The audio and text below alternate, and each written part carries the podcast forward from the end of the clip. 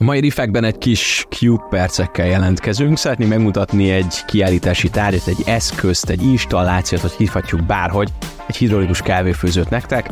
Maga a tervezés, hogyan jött az életre, és mi a jó kávé titka, a mai riffekben Szigeti Stacyvel a Bosch Rexottól.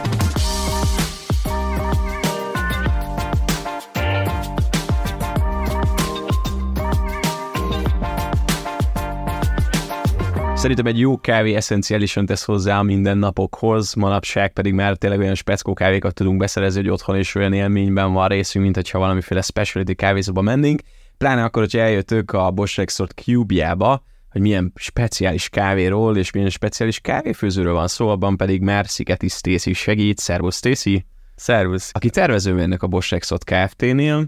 Először kérlek a pályád elejére ugorjunk vissza, Egyrészt szereted a kávét, várjál? Szeretem, igen. Na, különösen az espresszót. A presszó kávé a tutiságod. Uh, menjünk vissza a pályád elejére, mert te elég régóta vagy a Rexrotnál. Hogy indult a te karriered? Gyakornokként jöttél ide? Pont pontosan, úgyhogy ö, egyetem alatt jött egy ilyen lehetőség, hogy először eljöttünk ide egy gyárlátogatásra, megtetszett, akkor még nem ezen a helyen voltunk, hanem az Angol utcába, és, és akkor utána úgy döntöttem a egyik egyetemista csoportársammal, hogy hát üljünk már egy nyári szakmai gyakorlatra. Eltöltöttük azt a három hetet, négy hetet, most a hirtelen nem tudom már mennyi volt, és utána én mondtam, hogy hát nem lehetne végét maradni, és akkor azt mondták, hogy akkor lehet. És akkor először csak egy napokat, két napokat, és akkor egyre, egyre több időt el tudtam itt tölteni, és hát mit tartunk most, hogy, hogy most már itt dolgozok főállásban, és ennek azt hiszem 11 éve.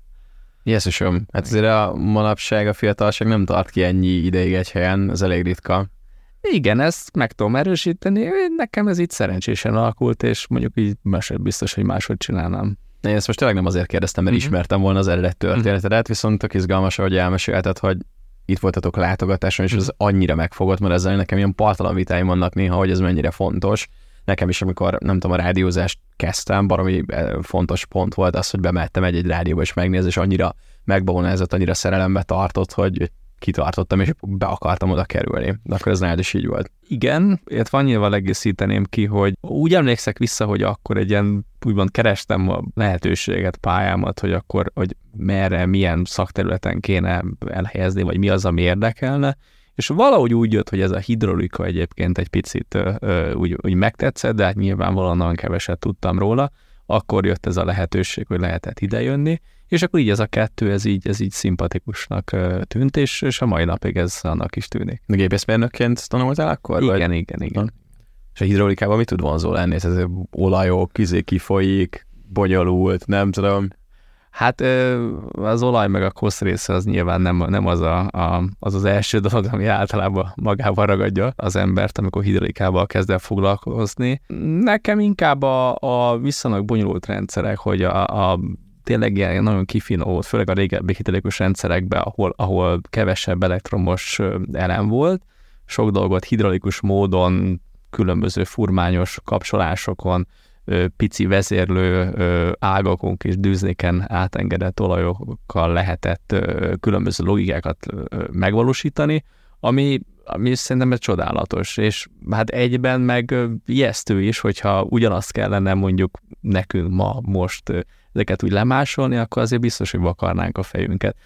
Más szempontból meg, meg tudunk bonyolult, bonyolultabb dolgokat is csinálni, mert más az eszköztárunk, tehát más elemekből tudunk építkezni, de akkor, ahogy régen ö, ezeket ugye megalkották, az számomra az egy mestermű szintjével vetekedő dolog, hogy így mondjam. Úgyhogy talán ez, ez a fajta komplexitás, ami megfogott a hidraulikába. De te gyerekkorodban legóztál, vagy nem tudom, párat építettél, vagy Legóztunk, igen, igen. Mert ez az alkotási vágy, ez valahonnan jön, és igen, igen, igen, és ráadásul úgy legóztunk, hogy persze megkaptuk a, a, a, az adott Lego kittet, de aztán hál' Istennek volt nekünk ugye több is, és akkor összeöntöttük, és az öcsémmel mindig úgy játszottunk, hogy hogy akkor jó, jó, egyszer összeraktuk a kötelezőt, és akkor utána a nagy kupacból akkor kitaláltunk valami teljesen újat. És hát azt hiszem a leg, legabszurdabb dolog az egy ilyen lanovka volt, amit, amit építettünk, és a polc meg az íróasztal közé feszítettünk ki valami erősebb cérnából valami drótot, és akkor arra aggattuk fel a, lanovkát.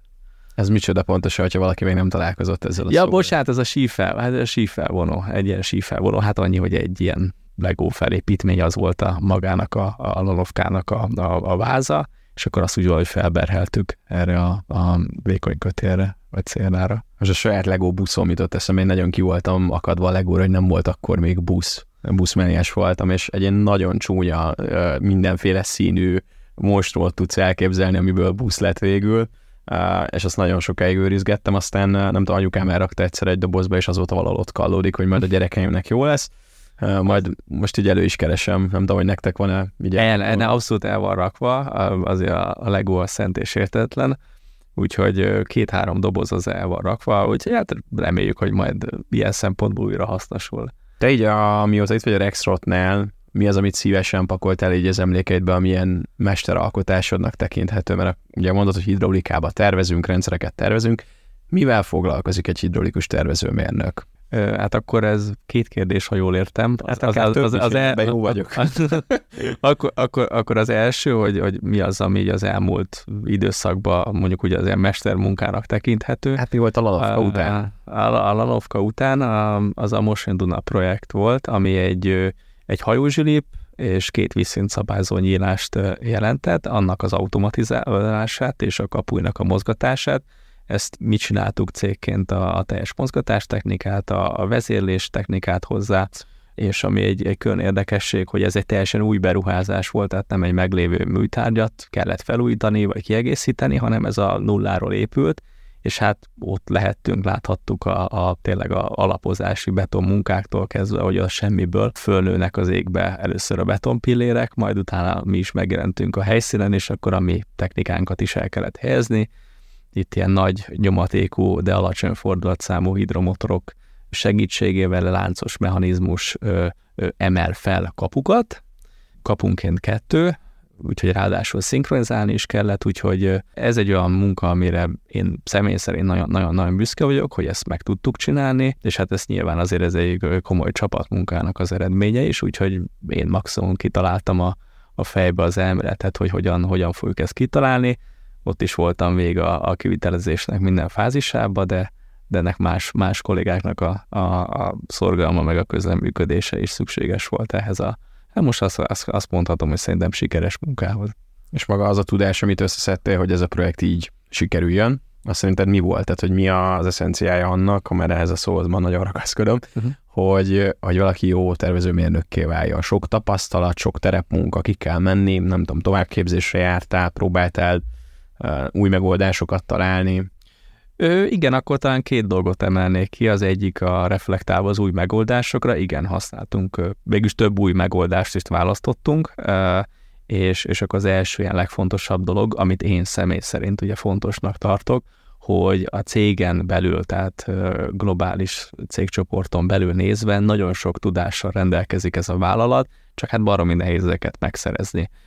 És a, itt azért úgy érzem, hogy sikerült megtalálni olyan embereket, a, akikkel, akikkel érdemben lehetett beszélgetni, úgyhogy a, a központba, a Lóri központunkba sikerült egy emberrel gyakorlatilag kétszer-háromszor egyeztetni is, még a tervezési fázisba, és ő azért nagyon sok olyan dolgot hozzá tudott tenni, ami szerintem hasznos is volt. Úgyhogy az első ilyen nagyon fontos dolog az, hogy tudja az ember megtalálni azt, hogy hol juthat információkhoz, ami egyébként itt van a cégcsoporton belül. És szerintem azért ez a, ez a legnehezebb egy ilyen nagy multis világba, hogy az a rengeteg tudás, ez valami olyan helyre, vagy olyan struktúrába rendeződjön el, ahol újra lehet használni, és egy más helyről más ember ezt ugyanúgy meg tudja találni. A másik dolog, az pedig szerintem az, hogy de az mondjuk személyes preferencia, tehát nem, azt nem állítom, hogy mindenkinek ugyanígy kellene csinálni, az pedig az, hogy tervezőként menjen is az ember a terepre, és ott is nézze végig az, hogy mi történik, hogy amit, amit tervezett, az hogy működik, illetve talán az is egy fontos dolog, hogy amit tervezel, és hogyha azt látod, hogy ott a helyszínen valamilyen szempontból olyan nehézségekbe ütköznek a, a, a kivitelezés során az adott kolléga, nem tudja megfogni, nehéz, nem jó helyen van mondjuk egy olyan megfőtési pont, ami például az asztalon úgy gondoltam, hogy az ott jó helyet, akkor ez egy plusz információ a jövőre nézve, hogy, hogy, hogy milyen szempontokat is a tervezéstől érdemes személyre venni. Tehát összefoglalva szerintem a terep per eltöltött idő az ad egy olyan tapasztalatot, vagy plusz gyakorlatot, ami, ami mindenképp hasznos információkkal tud egyébként szolgálni a, tervezésnek a, már a korai fázisában is. Mert akkor nagyjából forró nyomon vagyunk azzal, hogy mi tölte ki a mindennapjaidat, de akkor mesélj kérlek arról, hogy a kávé azon kívül reggel elfogyasztod, hogyan kapcsolod bele az életedbe. Ittál valahol már egy ilyen kifejezetten jó kávét? Igen, ittam kifejezetten jó kávét, úgy gondolom. Nagyon, nagyon jó, hogy ugye most a specialty kávéknak azért elég nagy hagyománya van, tehát már könnyű azért úton útfélen belefutni igazán jó kávézókba. Ami egyébként érdekes, hogy eddig miért nem voltak, tehát, hogy mindegy, ez, ennek örüljünk szerintem. Hogy, hát, hogy most a pizzának van ilyen nagyon nagy hulláma, és most az verjen. Meg nem... előtte, előtte meg a hamburgeré volt, úgyhogy mindegy, én erre inkább azt mondom, ennek örüljünk, hogy, hogy ez így van, és hogy akkor végül jó kávét lehet inni.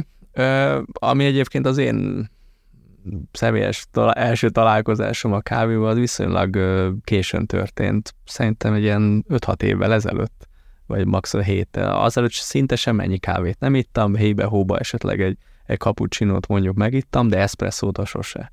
És az első élményem az volt, hogy egy, egy, egy olasz vacsora után, nyilván a sok fogás után, ugye általában mindig az a probléma az embernek az a bizonyos kajakóma, akkor leszédül a székről, és és ugye egyszer feltette ott valaki sokat gyára, mert megtett, megkérdezték előtte is, hogy kérsz egy kávét, mindig mondtam, hogy nem. Gyengébb pillanatom volt, azt mondtam, hogy igen, akkor kérek egyet, és akkor kicsit elkezdtem izgulni, hogy kihoztak nekem egy eh, pici csészébe egy nagyon kevés, borzasztó erős kávét, hát olyan nem tudom, ebből mi lesz, akkor még belegyömeszöltem két cukrot, hát mondom, majd ez biztos jó lesz. Hát azon kívül, hogy borzasztó édes lett, tehát most utólag visszagondolva, hát el nem tudom képzelni ezt, hogy, hogy, hogy bírtam meginni de, de egy nagyon kellemes élmény volt az, hogy, hogy nem volt semmi um, kajakóma utána, és akkor elkezdtem összerakni a pázlit a fejembe utólag, hogy hoppá, lehet az a kávé, meg az emésztés, az, az lehet, hogy, hogy a kettő az jótékony hatása van egyik a másikra, és akkor utána, hát szépen gyorsan az a cukort, azt elhagytuk onnantól kezdve, és, és most már tényleg így az ízét miatt szeretem a, a fogyasztani a kávét, úgyhogy, úgyhogy ez nekem egy relatíve új dolog, de, de, de lelkesen kóstolom és fogyasztom. Jó, hát akkor, ha azt mondja valaki, hogy kávé, meg kérsz egy kávét, ezért széles spektrumon mozog a, a darálós, nem tudom, 30 éves kávéfőzőtől, amiből nem tudjuk, hogy milyen pokol folyik ki, Igen. meg a, a nagyon speciality érzed benne a sárga baracka, a dohány és a karamell íz jegyeit típusú kávéig, akkor jellemzően inkább az utóbbit fogyasztod? Nem, nem. Én inkább ebből a szempontból konzervatív vagyok, tehát hogy nem feltétlenül a nagyon extra ízvilággal felturbózott kávékat, hanem egész egyszerűen egy, egy, egy friss, jó pörkölésű. Én nagyon szeretem azokat a típusú vagy ízű kávékat, amit Dél-Olaszországban isznak, a, a nagyon-nagyon sötét pörkölésű, nagyon, nagyon ilyen mm, kesernyés ízű kávék. Úgy tudom, hogy azokat egyébként nem is arabikából, hanem vagy fele rész, vagy teljes részben robusztából főzik. Az egy nagyon érdekes ízvilág, tehát amikor úgymond a savanyú ízvilágtól úgymond a belső számít szinte, vagy van az én gévé, mint a kiszáradna, vagy nem is tudom. Tehát én azt az utó is szeretem igazából. Tehát ebből a szempontból nem az ilyen nagyon felturbózott kávé ízvilág az én, nem tudom, preferenciám. Jó, hát őszintén szóval, ha hatásra volt valakire a Hidroli Café, meg az, amiről mi mindjárt beszélünk, az én voltam, mert most én is kávéfőzőket, meg darálókat nézek, és most már inkább megiszom én is a presszót, pedig eddig kapucsinos vagy látés csávó voltam már, hogy így mhm. fixen ezt a fekete kávét nem tudtam meginni. De akkor segíts meg kérlek abba, hogy hogyan lehet jó kávét készíteni. Közösen voltunk azon a csodálatos meetupon, ahol így próbáltak minket kiokosítani, és innen is pacsi a kávékalmárnak de hogy azon kívül volt-e bármiféle előzetes ismereted így a kávékészítésről? Ö, nagyon, fe, most már utólag azt mondom, nagyon felszínes tudásom volt róla, ö, de volt egy olyan személyes célom is, mely korábban, hogy, hogy hát de jó lenne egy vagy építeni, vagy, vagy, vagy valamilyen komolyabb kávéfőzőhöz jutni, és akkor az voltam kísérletezni. Ugye ezen a ponton elárultam, hogy mennyire jó kapóra jött ez a az egész projekt, mert akkor itt ki tudtam teljesedni szó szerint. Kávét főzni nehéz, tehát hogy tipikusan itt is érvényes az a mondás, hogy az ember egyre több dolgot tud, aztán állja, hogy mennyi mindent nem tud. Úgy mondtam, hogy nagyon felszínes tudásunk volt, nagy mellénnyel ki is találtuk, hogy akkor hogyan fogunk egy jó kávéfőzőt létrehozni, de azért csak jó volt, hogy a külső szakértő segítségét azért igénybe tudtuk venni, és nagyon sok hasznos információhoz jutottunk, mert, mert a pici apró részleteken azért nagyon sok múlik. Akkor back to the start point, tehát hogy beszéljünk a hidraulikáféről, ugye a Cube-ban, mm-hmm. a Budapesti Innovációs Élmény Központban van egy hidraulikus kávéfőző. Hidraulikus kávéfőző létezik a világban? Nem tudok róla. Jó. Nem. Mitől különleges ez a kávéfőzés? Kezdjük Léci onnan, hogy ugye te tervezte egész életedben tényleg mindenféle dolgon így próbálkozol, jár az eszed folyamatosan. Hogy hoztad be a kávét, a kávéfőzőt oda, hogy egy ilyen ipari környezetben legyen? Tehát mikor volt az első gondolatod ezzel kapcsolatban? Már itt engedd meg, hogy elmondjam, hogy egy érdekes szituációnak az eredménye volt ez, mert egy éppen vitorláztam, és egy csúnya sérülést szedtem össze, másnap nem is tudom vitorlázni, tehát ágynak, ágynak dőltem, és pont a kávékalmáros videót nézve, akkor így jött a gondolat, hogy hát de jó lenne most csinálni, és azért jött ez a gondolat, mert, mert akkor volt ugye nálunk ez a téma, hogy a, a Cube-ba valamilyen gépeket kellene kitalálni, és nekem kettő gépnek a megkonstruálás vagy kitalálása volt a feladatom. Az egyiket addigra már tudtam, volt egy kiforrott ötletem, és nagyon bajba voltam, hogy, hogy a másikkal mit csináljunk, mert elég úgy tűnt, hogy egy meglévő gépet csak berakunk, aztán kiderült, hogy igazából az abban semmi innovatív, vagy hogy mondjam, nem hozná azt a, azt a nívót, ami mondjuk ezen a, a, ebben a showroomban ugye szükséges, és akkor ment a fejvakarás, hogy mi legyen. Itt sikerült ezen a ponton összekapcsolni a, a, a kávét, meg a, meg, a, meg a hidrolikát, és igazából utána már csak azon gondolkoztam, hogy, hogy, hogy akkor jó legyen egy kávéfőző, de ezt hogyan lehetne hidrolikával mozgatni megtudtam, hogy léteznek ilyen kézikaros eszpresszó gépek, onnantól kezdve már könnyű volt, hogy akkor azt a kézikart szereljük le, és a kézi erőt imitáljuk egy hidrolikus munkahengerrel. Innentől kezdve adta magát, mert az hozzátartozik a történethez, hogy az a bizonyos előbb említett berendezés, amit úgy volt, hogy azt kell kiállítanunk, de aztán nem ütötte meg azt a nívó szintet, az pont egy egyhengeres alkalmazás volt, amin egy bizonyos dolognak a bemutatására készítettünk el, tehát onnan már nagyon könnyen jött az, hogy akkor nekem volt egy hengerem, meg volt hozzá úgymond a hidalagos tápegységem, tehát onnantól kezdve már csak fel kellett ráncvarnom a, a, a, a berendezést, hogy azért szépen kinézzen, és hogy hogyan legyen az egésznek ö, ilyen ipari kinézete, az pedig végül úgy sikerült megoldani, hogy, hogy választottunk olyan ö, kéziszerelőállomás termérexot terméket, ami, amire az egészet egy kultúrát asztalra elhelyeztük, akkor hogyha ráraktuk ugye a lámpákat is, az egész kávéfőző ilyen kromszínű az egész, tehát a hideg, hideg fehér fény az nagyon jól csillog rajta, tehát onnan szerintem már viszonylag könnyű volt egy, egy jól kinéző, de mégis ilyen ipari kinézetet kölcsönző formavilágot létrehozni. Hát azt el tudom mondani egy a túrák alapján, hogy a villódzó fényekkel és hanggal, videóval, képpel járó időfolyoson túl a második legszelfizettebb, legvideózottabb állomás az a kávéfőző, mindenki meglepődik, hogy itt mi történik. Meg lehetett volna oldani másképpen is ezt az egészet, vagy, vagy a hidrolika csak itt tud ebben a kávéfőzőben megjelenni? Meg lehetett volna. Nekem ott ugye a hidrolika volt a, a, a feladat, tehát nem is, nem is jöhetett ilyen szempontból más szóba, de de hogyha ugye leszámítjuk az emberi eredeti kézi működést, akkor is más, például elektromechanikus munkahenger is használhattunk volna. Arról azért beszéljünk, hogy milyen értékeket változtatunk, mert hogy itt nem csak egyszerűen arról van szó, hogy lenyomja valami és átpréseli a vízgőzt a kávépárnán, hanem itt különböző kávék készülnek. Hogyan lehet jó kávét készíteni a mhm. Cube-ban? Hát ala, alapvetően a két legfontosabb paraméter, amit változtatunk mi is, illetve egyébként, amit egy kávéfőzésnél érdemes is változtatni, az egy úgynevezett ilyen előtöltési idő, hogy mennyi ideig hagyjuk a forró vizet a, a párnán, a kávépárnán, hogy egész átitatódjon, illetve a másik, hogy mennyi idő alatt ö, préseli át a forró vizet a kávén az ember. Úgyhogy mi ezt a két ö, paramétert tettük változtathatóvá, van előtte ugye egy iPad, amin, amin fut a, a kezelő, ö, kezelő felület, és akkor ilyen csúszkával lehet állítani, és ez a kettő nagyon érdekes, mert, mert csak így nagyjából mondom, nagyjából 30 másodperc az, az idő, amíg, amíg le, kell, le kell főzni a kávét, tehát annyi idő alatt kell, kell leírni a munkahengernek, és, és ha mondjuk a 25 másodpercre, vagy mondjuk 35 másodpercre hangoljuk ezt az időt, akkor már hatalmas különbség van az ízvilágban, ami egyébként kifolyik a kávéból, vagy kifolyik a kávégépből. Tehát ez a, ez a úgy szerintem egyik legfontosabb paraméter, amit egyébként úgy érdemes változtatni. Amikor itt volt a kávékalmár, akkor volt-e bármilyen, amit így hozzátett? Mert ugye biztosítod minket arra, hogy szerencsére jó lett minden, tehát hogy ott szerintem leesett egy fő a szívedről. Hát egy, hát egy hatalmas kövesett le a szívemről, mert akár mondhattak volna azt, és ez koncepcionálisan egy hülyeség, hogy ez így nem jó, de hál' Istennek nem így történt.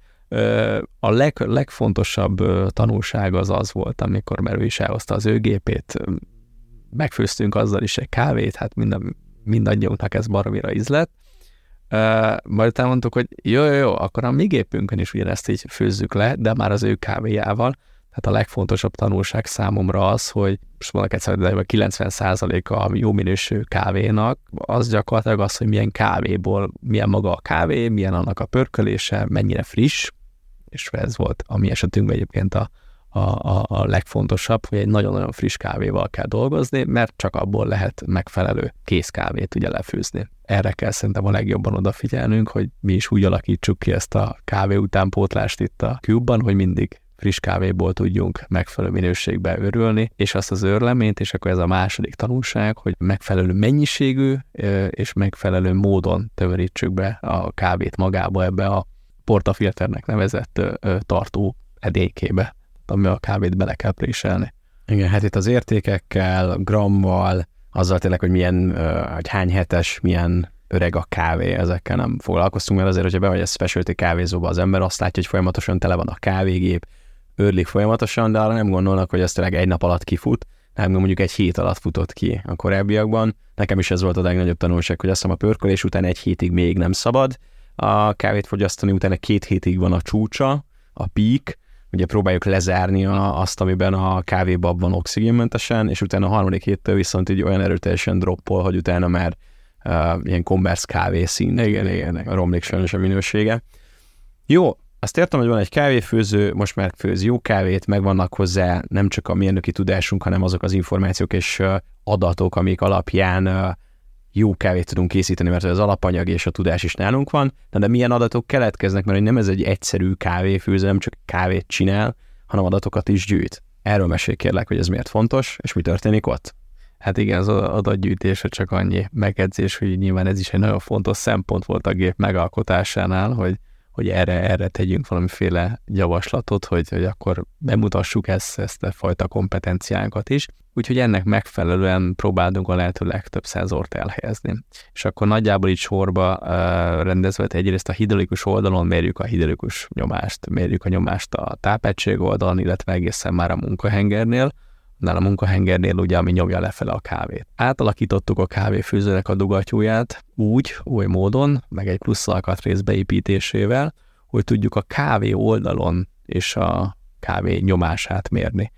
Ez elméletileg ugye átszámítható lenne a, a adott felület arányból, de azért mégiscsak az a pontos, amit, amit az ember mérni tud.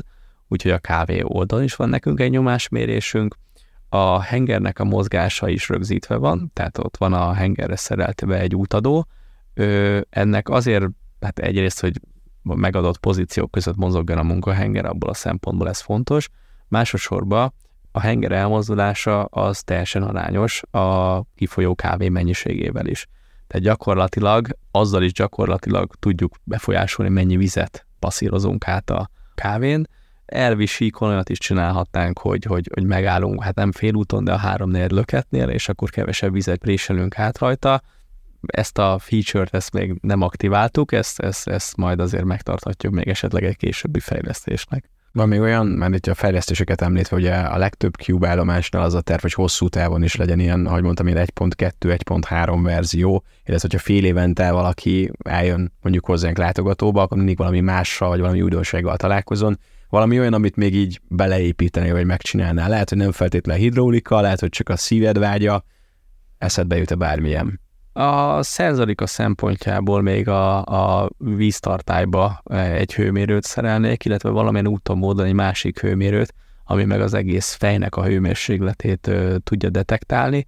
Ö, ugye ez a kávégép maga, ez, ez inkább egy otthoni felhasználásra van kitalálva, úgyhogy az emberek a felhasználat elpepecseljelve a kávéfőzéssel, nem feltétlenül nagyipari kávéfőzésre, és végül is az a gond, hogy nem tud elég meleg lenni a fej. És hogyha maga ez az egész fémöntvény nem elég meleg, akkor a közel 100 fokos víz, ami befolyik a hengerbe, a hidegebb fém az egyszer lehűti, és, és akkor azt hiszem, hogy a 92 vagy 93 fok az ideális hőmérséklet, ahol a vizet kell neked tartanod, de ugye gyorsan lehűl, akkor már csak 70 vagy 80 lesz. És kaptunk egyébként több ilyen visszajelzést is, hogy nem elég meleg, nem elég forró a, a kávé. Mert az igazán jó kávék ugye azért is van a kávégép tetején kialakítva egy olyan tartó, ahol magákat a csészéket is előmelegítik, tehát hogy maga a csésze is ö, már kellően meleg legyen, még, még meg lehessen fogni, de, de az is az maga is ö, ö, meleg legyen, ezért fontos azt, azt is nem olyan régen tudtam meg, hogy a, az igazi espresszó csészék azért olyan vastagak anyagukban, mert hogyha egyszer jól átmelegszik, akkor a, a hőteltetlensége sokkal nagyobb, tehát amikor belejön a kávé, akkor se hűti le magát a kávét, tehát ez nagyon fontos. Úgyhogy, úgyhogy ezt a két hőmérőt, amit én még beépítenék mindenképp, ez a szenzorika oldalon, a mechanika oldalon meg, amit az előbb már említettem, a, a, a, a váznak, vagy a mechanikának van egy a kialakítása, egy ilyen gyengesége, amit egy picit még lehetne finomítani, hogy még tökéletesebb legyen.